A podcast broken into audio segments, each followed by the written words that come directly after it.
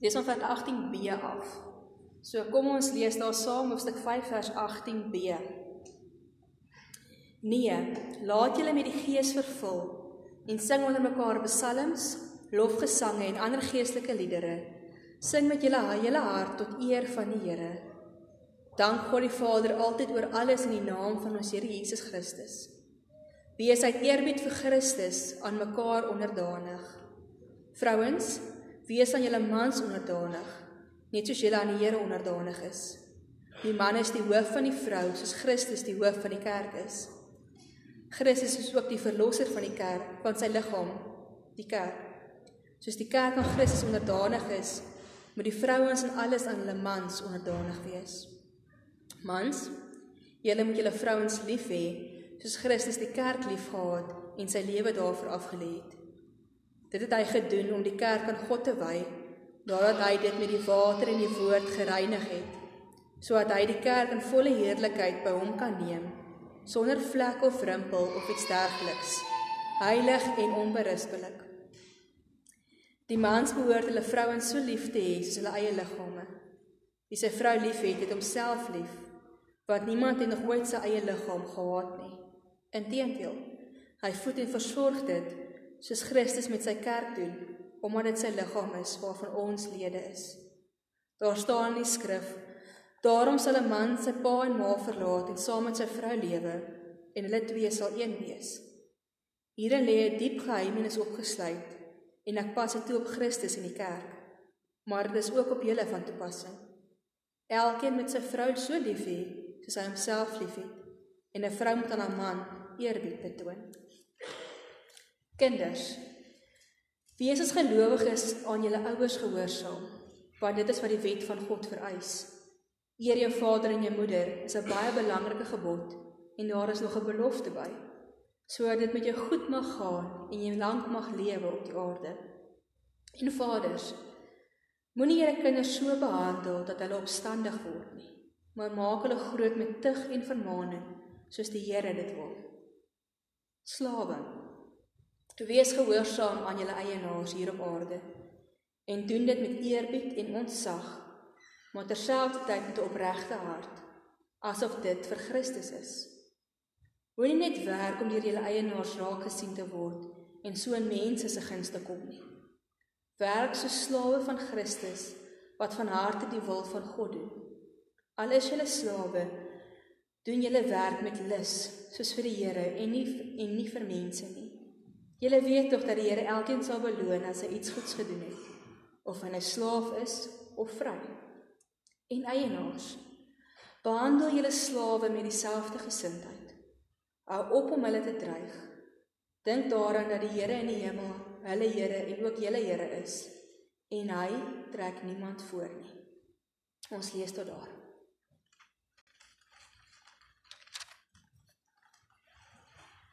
Nou ek het begin by om 'n gedeelte te lees van wat ons verlede week mee afgesluit het. Dit die gedeelte van laat ons met die Gees vervul word en sing met mekaar gesange en dankliedere en dank God by elke geleentheid. Nou in die Griekse gedeelte is daar is hierdie sin van laat jou met die Gees vervul. Sluit hy aan by die vorige gedeelte, maar hy maak ook 'n aansluiting met dit wat ons vandag gelees het. So geesvervulde lewe het nie net te doen met hoe lewe ons in die wêreld elke dag nie, maar ook lewe ons tussen ons verhoudinge elke oomblik. Hierdie verhouding wat ons met mekaar het. Dis eintlik iets wat ons al in hoofstuk 4 ook gehoor het, of hoofstuk 2 toe God gesê het ons verhoudinge maak hy nuut. Hoe hy tussen Jood en nie Jood die vyandskap afgebreek het deur wat hy gedoen het. Nou hierdie vrede wat God daarbe wil bewerk, moet ook daagliks in hierdie drie verhoudinge waarvan ons vandag gelees het na vore kom. In ons huwelike, in ons gesinne en ons werksverhoudinge. Nou wanneer Paulus hier praat oor 'n lewe van aanbidding, het ons verlede week vir mekaar gesê, die gesange en die dankliedere is eintlik 'n manier om ons te help om ons gedagtes af te haal van onsself en ons eie begeertes en ons eie begeerte om onsself heeltyd te laat geld en die belangrikste te wees in die wêreld. En eerder ons gedagtes op God te sit sodat ons 'n lewe van aanbidding kan leef elke oomblik. Nou as ons so dink daaraan dat 'n geesvervulde lewe 'n lewe van aanbidding vir God is in elke aspek, dan het met ons huwelike en ons gesinne en ons werksverhoudinge mekaar eintlik elke oomblik getuig dat ons besig is om God deur daardie verhouding te aanbid. So as iemand na een van hierdie verhoudinge van ons kyk, moet hulle absoluut kan sien dat hier iets anders gebeur. Dat hierdie verhouding waarin ons op daardie stadium is, of jy by die werk is en of jy by die huis is, dat dit iets van jou geloof en jou verhouding met God weerspieël, iets van hierdie nuwe identiteit wat God jou gegee het. In hierdie verhoudinge, en dis die hele gedagte agter hierdie hierdie deel wat ons gelees het, moet ons nuwe identiteit in Christus elke oomblik na vore kom. En ons moet by ons huise en in ons gesinne en by ons werke vir almal heeltyd herinner wat die waarde is wat God aan ons reg. Die waarde wat ons gegee het van hoofstuk 1 af, wat ons uitverkies is, afgesonder om vir hom te leef. Nou, dis dalk tyd dat ons gelowiges weer dit 'n slag hoor.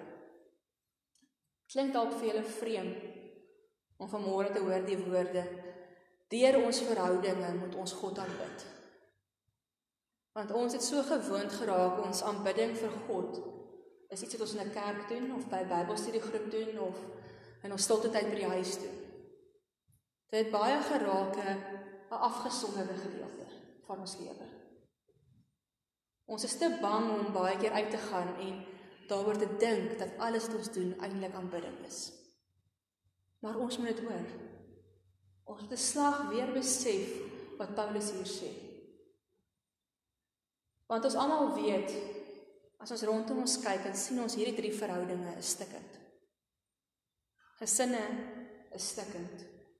Huwelike is stikkend. By ons werk en ons werksverhoudinge is dit baie keer stikkende verhoudinge. Ons hou nie daarvan om dit te hoor nie. Ons hou daarvan om gekonfronteer te word nie. Ons hou daarvan om dit te erken nie. Want dit is makliker vir ons om net verby dit te leef as om te dink oor hoe seer hierdie verhoudinge is waar ons baie keer is. Maar dink 'n bietjie daaraan. Hoeveel in ons huwelike kom selfsug eerder voor as wat ons vandag hier lees. Gaan net 'n bietjie meer uitklei oor hoe dit moet lyk.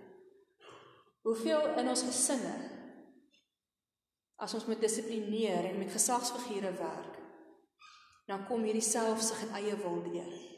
Dis hoekom ons sukkel. Ons sukkel in skole, ons sukkel met gesagsfigure in die samelewing. Want elkeen wil net homself wat geld. Ek seker almal van julle het al eers gesê daar is nie meer respek in ons samelewing nie. Dis hoekom dit gaan soos dit gaan. Ook by ons werksplekke kry ons hierdie selfde probleme.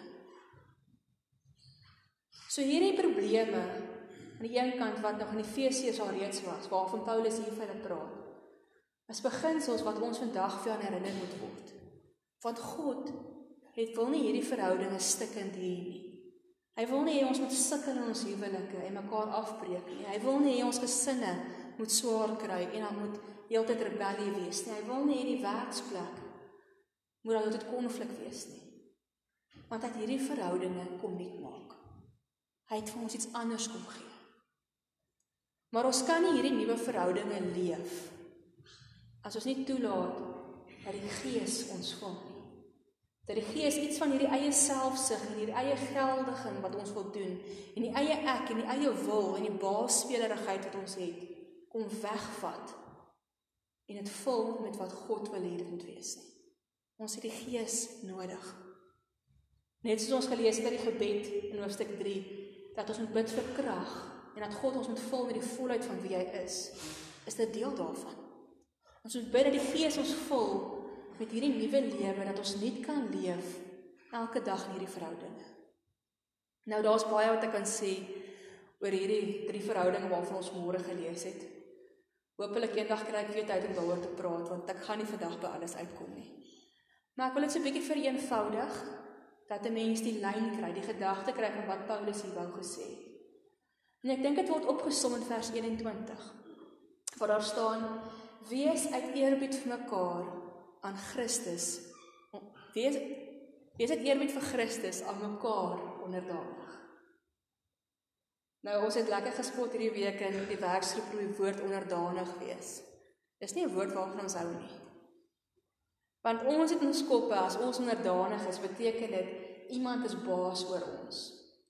En ons moet op die grond kruip en ons moet sê ons waarde is niks nie. Ons hou nie van die woord nie. Maar in die Bybelse tyd was dit glad nie wat onderdanigheid hier beteken nie. Onderdanigheid beteken om jouself vrywilliglik te gee om 'n ander een te dien. Dis nie onder dwang nie. Dis nie om die ander een baas is oor jou nie. Jy kies om dit te doen. En ons kies dit, sê die vers, uit eerbied vir Christus. So omdat ons die Here liefhet, omdat ons dankbaar is vir hierdie nuwe identiteit wat God ons gegee het, hierdie nuwe lewe wat hy vir ons moontlik gemaak het. Uit respek en eer vir God kom ons en sê ons ek is bereid om terug te staan vir myself en vir ander die mense rondom my die mense in hierdie drie verhoudinge vrywillig te dien asof ek dit vir Christus doen. En jy sal hoor by elkeen van hierdie drie voorbeelde wat ek nou vinnig op weer gaan opsom. Heeltyd is die motivering ons doen dit soos vir Christus. Ons doen dit asof ons dit vir Christus doen uit eerbied vir God. Elke keer is hier dieselfde gedagte heeltyd daar. So die beginsel eintlik hier is in al hierdie drie verhoudinge. Dit word dit op verskillende met verskillende voorbeelde uitgebeeld. Moet ons vrywillig omdat ons dit kies vir die ander een in daardie verhouding die beste soek. Omdat ons dit vir God doen. Dit is 'n lewe van aanbidding.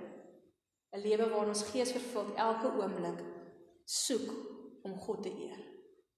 So dit is eintlik die samevatting. Dan kom Paulus en praat oor drie verhoudinge. Die eerste verhouding waar hy praat is die huwelik. En ek wil sê vandag se samelewing weet ons dit is nie meer mense wat al noodwendig trou nie. En mense raak partykeer raak mense ongemaklik daarmee. Maar wat belangrik is, is dat selfs in enige romantiese verhouding, of jy nou verloof is en of jy nog saam bly of jy eendag bietjie ouer is en nie kan weer trou nie of wat die rede ook al is, as baie redes. Maar in enige romantiese verhouding moet hierdie beginsels geld wat hier gesê word. Dis waar ons dit moet weet. Nou die vrouens word eers aangespreek. Nou in die vrouens in hierdie Grieks-Romeinse tyd waar hulle geleef het, was niks gewees nie. Hulle was die man se besitting. Hulle het geen stem gehad nie. Hulle was eintlik 'n gebruiksartikel. Dis niks anders as dit gewees het. So vir die vrouens word gesê: "Wees aan julle mans onderdanig soos julle aan Christus onderdanig is." Want Christus is die hoof van die kerk, soos julle man julle hoof is. Vrouens kry spesifiek hierdie opdrag om onderdanig te wees. Hulle self vrywilliglik te gee om hulle man te dien. Nie omdat hulle moet nie, maar omdat Christus dit van hulle vra. Om hulle te eerbied en respek vir God. Dis nog 'n groot verskil om te maak in die denke van daardie tyd. Want vrouens het nie 'n keuse gehad nie, hulle moes maar net doen wat ook al hulle mans gesê het hulle moes doen. Maar nou bevestig God hulle waarde deur vir te sê julle het die keuse om julle mans te dien sonder om gedwing te wees om dit te doen. So doen dit omdat julle dit vir Christus doen. Die mans kry 'n baie langer opdrag. As ons Kolossense gaan lees, dan kry ons dieselfde gedagte waar nou die mans en die vrouens se rolle uiteengesit word en die ouers en die kinders. Maar in Efesiërs is die man se rol die langste wat ons in die Bybel van lees. Nou hieroor sal ek baie graag meer wil uitbrei, maar met ons tyd gaan dit nou nie toelaat nie. Maar hier is die mans word die meeste gesê hoe hulle lewens moet verander. Want die mans was gewoond daaraan om baas te wees. Wat ook al hulle gesê het, het gegaan. Maar die opdrag wat hulle hier kry is hê julle vrouens lief. Hulle was gewoond daarin die samelewing het vir hulle gesê oorheers jou vrou. Jou vrou moet onderdanig wees. Sy moet alles doen wat jy sê en jy as haar hoof, dis die tradisionele beeld gewees, moet haar oorheers. Want ons taal, jy moet op haar kop sit en sy moet spring as jy sê spring. Maar wat kom sê God hier? Hy kom sê nee. Die man oorheers nie. Die man sit nie op die kop nie, die vrou ook nie. Om soos ons altyd spot.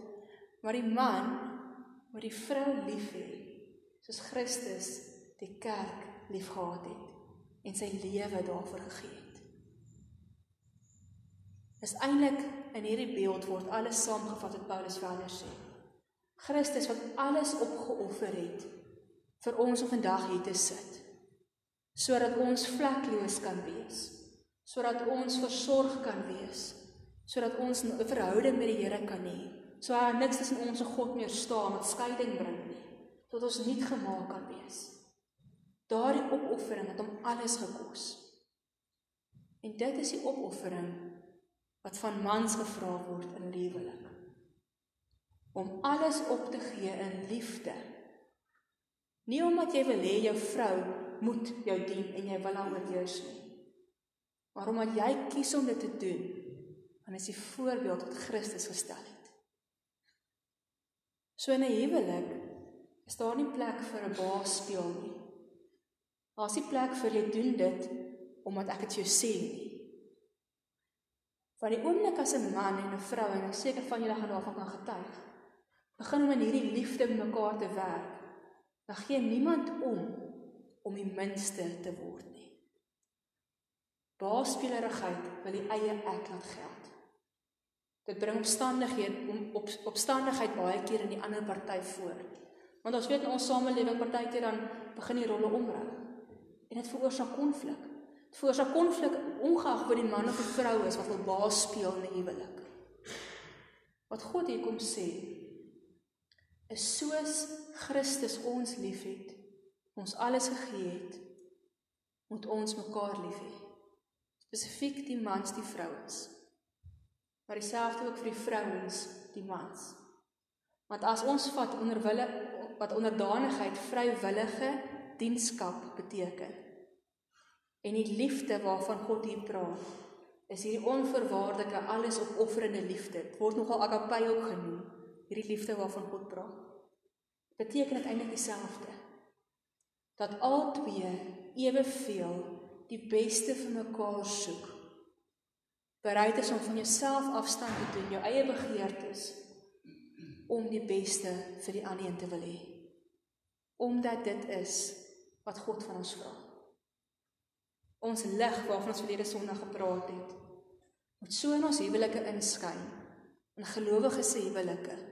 Dat die wêreld na ons kan kyk en sê, "Sjoe, iets is anders daar." Kyk hoe mooi en besonder werk daardie twee mense met mekaar. Ons huwelike is stikkend. Ons huwelike gaan deur verskillende tye in in jou tyd wat jy getroud is wat dit beter gaan en wat dit wat dit slegter gaan. Maak dit dat ons nou net moet opgee. Nee. Dalk sit jy hier en en het jy nie meer 'n huwelik nie. Omdat die wêreld dit stukkend gemaak het. Omdat selfsug dit dalk stukkend gemaak het. Dit beteken nie dis die, die einde nie beteken nie ons kan hom net los en sê dis verby nie. Ons word steeds gelowiges opgeroep om te vra hoe kan ons dit verander? Want dalk kan jy nog alles het 'n X gaan praat met daardie persoon om my verhouding te herstel al word dit nie weer huwelik nie. Terwyl waarskynlik van jou kinders as daar kinders is. Maar ons gaan doen dit omdat God sê in gelowiges se verhoudinge mag daar nie hierdie seer wees nie. God wil dit gesond maak. Dis nie die einde as ons sukkel nie. Ons almal sukkel. Ek seker van julle wat al 30 jaar plus getroud is, sal baie getuig van sulke jare in huwelik. Maar ons kan dit regmaak. Ons kan dit regmaak met die hulp van die Gees om te leer hoe om vir mekaar die beste te soek ook in ons huwelik. So as jy as man en vrou dalk hier sit of die ander dalk by die huis met 'n siek is of wat die rede is. Gaan praat met mekaar daaroor. Want dit is 'n opdrag van God dat ons ons huwelike in sy oë moet regkry. Dat ons waarlik vir mekaar die beste moet leef. So lyk jou huwelik? Of dalk hoe lyk jou kinders se huwelike? Of jou vriende? Dalk is daar iemand wat op jou hart gedruk word vanmôre waarvoor jy moet bid. Onthou daai mense want ons gaan net nou gaan ek vir julle geleentheid gee dat ons daarvoor kan bid. Die volgende verhouding waarvan Paulus praat, is die ouer en kind verhouding.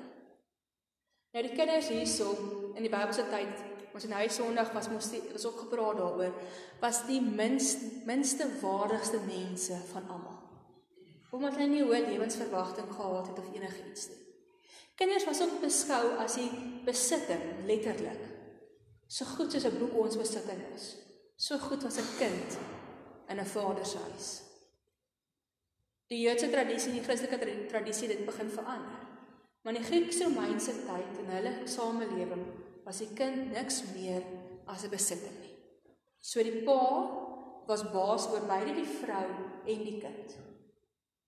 In hierdie lewe, in hierdie omstandighede kom Efesiërs kom sê vir ons kinders wees as gelowiges aan ehm um, respekteer en eer julle ouers want dis wat God ons vra. Nou die kinders waarmee hier gepraat word, was kinders wat ons al sê skoolgaande ouderdom is. 'n Bietjie groter wat kon verstaan wat al kon besluite neem, wat al kon wegstap van die huis af en iets anders kon gaan doen het. Dis kinders wat kon kies om anders op te tree. En die oproep wat Paulus hier maak, hy sê omdat jy gelowig is, omdat jy nuut gemaak is, omdat jy God se kinders is. Vra ek vir julle om anders met julle ouers te werk. Respekteer hulle. Eer hulle want dis wat God van ons vra. Ek wil dit nou vir die kinders wat hier sit bietjie afbring en ek hoop julle het 'n eenvoudige sin om dit te verduidelik. Ons voel baie keer ons moet ons pappa en mamma luister want die vaders hierso moet ons verstaan is beide ouers en gesagsfigure in ons samelewing. Ons dink baie keer ons moet luister na ons onderwysers, na pappa en mamma en oupa en ouma omdat ons moet. As ons nie doen nie, dink ons ons gaan gestraf word en ons baie keer uit vrees uit omdat ons nie wil pak kry nie, luister kinders nou maar. Of omdat hulle reeds pak gekry het, luister hulle. Is dit nie maar so nie? Maar nou kom God deur monde van Paulus en hy sê omdat julle my liefhet kinders, omdat ons God liefhet en ons wil 'n lewe leef wat hom laat glimlag. Het ons respek vir gesagsfigure. So ons doen dit nie omdat 'n persoon daar is nie. Ons doen dit nie omdat ons voel ons moet nie. Ons doen dit nie omdat ons bang is ons gaan raas kry. Ons doen dit omdat dit is wat God van ons vra. En daar nog 'n belofte by wat sê dit sal met jou goed gaan. Nou hoekom sal dit goed gaan? Eenvoudig want as ons begin uit respek vir God omdat ons God tevrede wil stel, na ons ouers luister, na die polisie en ons onderwysers luister, dan sal daar nie konflik wees nie. Sal daar nie soveel straf wees nie, sal daar nie al hierdie ongelukkigheid wees wat ons beleef in 'n samelewing wat ons voel baie keer respek verloor het. So dis eenvoudig die opdrag aan kinders. Doen dit omdat jy God tevrede wil stel. Nie omdat jy gedwing word nie. Maar die ander kant van die saak, die ander kant van die muntstuk, is daar word opdrag gegee aan gesagsfigure, aan die vaders, aan die onderwysers, aan die moeders, aan almal van ons wat jonger mense onder ons het wat ons moet dissiplineer. Al word vir die vaders gesê, moenie julle kinders opstandig maak nie. Onthou, kinders was beskou as 'n besitting. So wat die pa gesê het moes gebeur, moes gebeur. Almal van ons was eers 'n tiener. As iemand vir jou sê dis wat jy moet doen, jy rebelleer jy, jy raak opstandig en die aarde vergaan rondom almal in die gesin. Dit is nie wat moet gebeur nie. So aan die een kant moet die kind 'n verskil maak, maar die ouer ook. In die opdrag wat die pa skryf. Ekskuus ek net die Bybel hier kry, ek het nou my Opdrag wat die pa skryf is Moenie julle kinders so behandel dat hulle opstandig word nie, maar maak hulle groot met tug en vermaaning soos die Here dit wil hê. So die ouers kry die opdrag om ons kinders dissiplineer soos die Here dit wil hê. Nie omdat ons ons wil laat geld nie. Nie omdat ek wil baas wees oor my kind nie. Nie omdat wat ook al ek sê my kind so slaaf moet doen nie. Want dan herken ons nie die waarde, God gegeewe waarde van ons kinders as ons dit so doen nie. As ons die waarde wat God ons kinders gee wil vir hulle bevestig, dan moet ons hulle dissiplineer soos God wil hê ons moet doen. En Paulus gebruik die woorde tig en vermaan. Nou beide van dit beteken ja, die kinders moet gewys word as iets nie reg is volgens God se wil nie. Nie volgens my eie wil omdat ek nou wil hê jy moet dit doen nie, maar volgens God se wil en sy beginsels. Waar die kinders daarop gewys word wat verkeerd is, verkeerd is. As nodig is, beteken tug, hulle moet gestraf word. Maar vermaaning saam met dit beteken aanmoediging om reg te leef. So wanneer ons dissiplineer, doen ons dit volgens God se beginsels, volgens God en ons geestelike waardes, ons geloofswaardes. Soms gaan beteken kinders jammer ons gaan moet straf. Al hou jy nie altyd daarvan nie.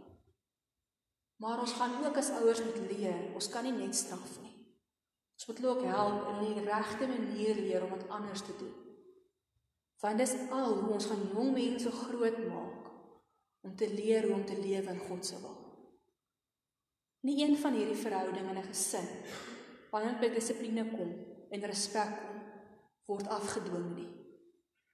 Skryf weer elke keer die woorde uit eerbied vir God, respek vir God, doen ons dit. So ook in 'n gesin, as 'n gesin is wat vanmôre hier sit of jy dalk 'n oupa en ouma is en kyk na julle kinders se gesinne. Hoe lyk dit daar? Is dit wat gebeur? Of het ons nodig om daar verandering te bring? Het ons nodig om ook daar ons gesinne nuut te word en geesvervul te raak. Ons kan bid en ons moet bid vir ons gesinne. Dis een van die krisisareas in ons samelewing vandag. Dis ook in ons gemeente is ons gesinne. So in ons opdrag om hierdie mense voor in gebed voor die Here neer te lê. Want ook ons gesinne word nuut gemaak. Die laaste verhouding wat hier wat Paulus hiervan praat, is slawe en die eienaars as ons werksverhoudinge. Nou ons praat vandag nie meer van iemand as ons slaaf nie, ons is werknemers en werkgewers. Maar die beginsels is nog dieselfde. Al was slawe in daardie tyd ook maar net 'n besitting, het hulle geen ehm um, kon hulle geen opinie lewer nie, het hulle geen reg gehad om enigiets anders te doen as hulle eienaars hulle gesê het nie. Is dit baie keer nog hoe ons optree in werksplekke? Wat ook al ek as werkgewer vir my slaaf sê dit moet hy doen, sonder om teë te strip of sonder om te stry daaroor. Maar wat kom sê God hieroor? Hy kom en hy praat eers met die slawe. Amazing. Want weer eens hierdie mense wat geen waarde gehad het in God in die wêreld se oë nie. Kom spreek God eers aan.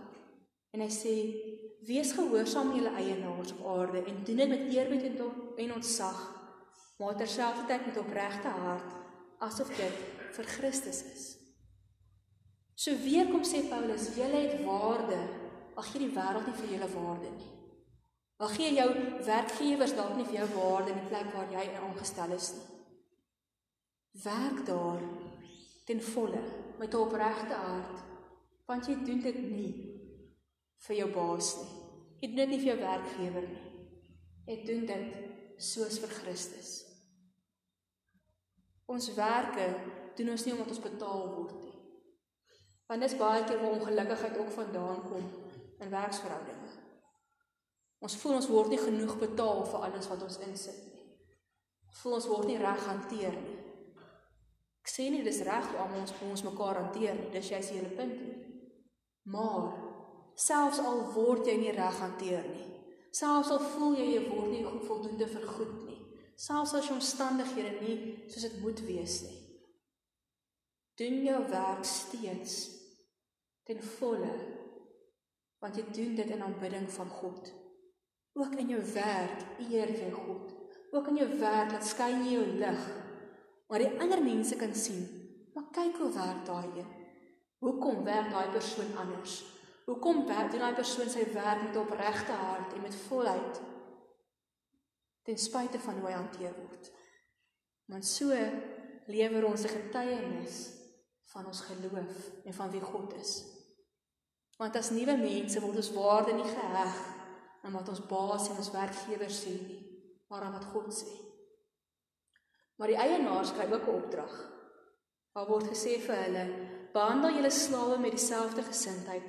Hou op om hulle te dreig. Dink daaraan dat die Here in die hemel hulle Here en ook julle Here is en hy trek niemand voor nie." Vir die eienaars word gesê: "Erken die waarde van die mense onder jou wat vir jou werk. Moet hulle nie dreig nie. Dat hulle hulle werk gaan verloor net omdat jy meer het wil hê nie. Moet hulle nie afbreek nie. Behandel hulle asof jy ook die, jy ook die beste vir hulle wil hê. Hierdie beginsel ons aan die begin geleer het. Behandel hulle soos medegelowiges wat in God se oë gelyk is. Nie minderwaardig nie, gelyk. En doen dit omdat jy weet jy dien dieselfde Here. So vir die eienaars en slawe kry ons dieselfde beginsel. Doen die beste vir mekaar in jou vermoë omdat jy dit vir God doen en nie eintlik vir mekaar nie. Nie omdat jy wil raak gesien word nie, nie omdat jy wil goed lyk nie, maar omdat jy daardeur God aanbid.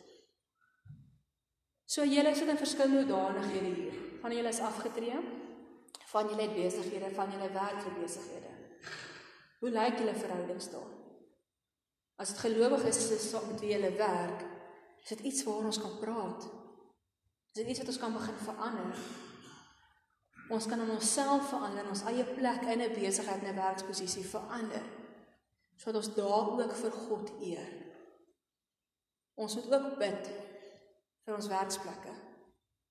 Vir ons eie vir ons werkgewers vir ons werknemers sodat dit wat daar gebeur ook vir die wêreld sal kan wys die lig van God sal laat skyn en sal wys ons lewe daar tot eer van God.